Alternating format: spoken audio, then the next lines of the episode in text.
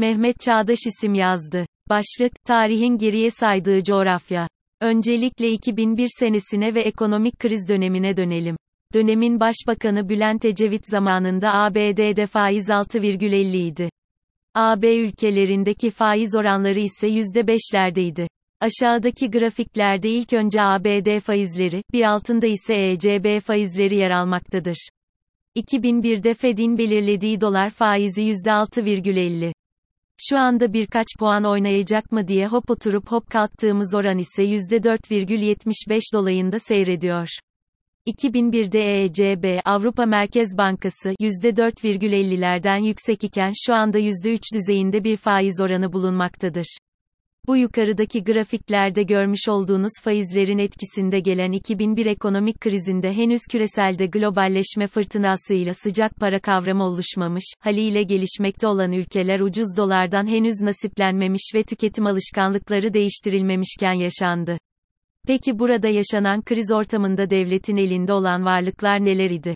Şu anda özelleştirmeler ile satılan Cumhuriyet zamanı fabrikaları, daha sonrasında sanayileşme ile gelişen modern fabrikalar gibi birçok varlığı bulunmakta ve elektrik, su, telefon idareleri devlet tarafından kontrol edilmekteydi. Üstüne 1999 yılının Ağustos ayında yaşanan Türkiye tarihinin en büyük doğal felaketlerinden birinin üzerinden bir yıl geçmiş ve bu felaket en büyük sanayi kuruluşlarını barındıran İzmit şehrimizde yaşanmıştı.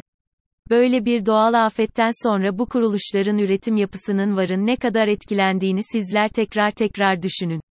Sanayi üretimi yıllık bazda deprem sonrası yaşanan daralma ile düşmüş ve kendini ancak 2004'e doğru küreselde yaşanan faiz düşüşleri sonrasında ve yeniden faaliyete giren bölümler sayesinde geliştirebilmiştir. Şu anda gördüğünüz gibi ekonomi yine aynı daralma durumu eğilimine girmiş durumdadır. Yaşanan büyük deprem sonrası benzeri bir düşüşün oluşacağı da grafikten görüldüğü üzere malumunuzdur. 2020 yılındaki pandemi dönemindeki aylık pikler genel ortalamada kısa sürede açılma ile birlikte bir down bir de top bir pik yapmıştır. Bunu küresel etkilerden dolayı muaf tutabiliriz. Aynı şartların hemen hemen şu anda yaşandığını görüyoruz ve senaryomuzu buna göre kurgulayalım bakalım neler olur. Öncelikle küreselde yaşanan ekonomik daralmanın sonucunda bu yukarıda bahsi geçen faiz oranlarının kısa sürede düşmeyeceği ve resesyon dalgasının ne kadar süreceğini bilmiyoruz. Her ne kadar Fed ve ECB açıklamaları son zamanlarda değişkenlik gösterse de sonuç olarak faizleri yıllara yayarak ya da kısa süreler içinde arttırma niyetleri oluştu ve 2001 krizini yaratan oranlara yakınsamış durumdalar. 2001'deki kriz sonrası bir anda küreselde faizler düştü ve ucuz para tüm dünya piyasalarını sardı borsalar ralliler yaptı ve bizim gibi zora düşmüş gelişmekte olan ekonomilerinin tüm kareden devlet kurumlarını aldılar.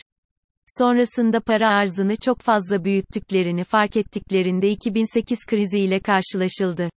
Hani bizi şu teğet geçen ama elimizdeki datalarda daha farklı sonuçlara ulaştığımız kriz.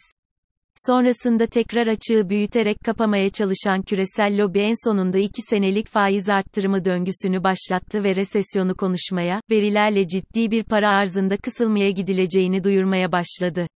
Yalnız bu sefer böyle bir faiz ortamında elde avuçta bir şey yok. 2018 kur krizi ve sonrasındaki yönetim hataları sonuçları ile birlikte dağ olmuş borçlar ve üretimden uzak rekor cari açık oluşturan bir toplum yapısı var. Yine benzeri şekilde 99 depremine benzer doğal felaket ihtimallerinden biri ne yazık ki tüm jeolojik bilimsel araştırmalardan çıkan uyarılara rağmen 10 doğu ilimizi etkileyecek seviyede Türkiye tarihinin en büyük deprem dizisinin yarattığı büyük bir yıkım ile yaşandı. Bu felaketin yarattığı maddi manevi zararın boyutu ve ekonomik durumun şu anki vahametiyle bakarsak 99 depreminden ve 2001 ekonomik krizinden bu döneme hiçbir konuda ders çıkarılmadığını yaşayarak izliyoruz. Sonuç olarak yukarıdaki değerlendirmeler ile dönemler arasındaki farklara benzerliklere baktığınızda tekrar tekrar okuduğunuzda gerçekleri görmek için ahlaklı ve erdemli bir kalbe sahip olmak yeterlidir.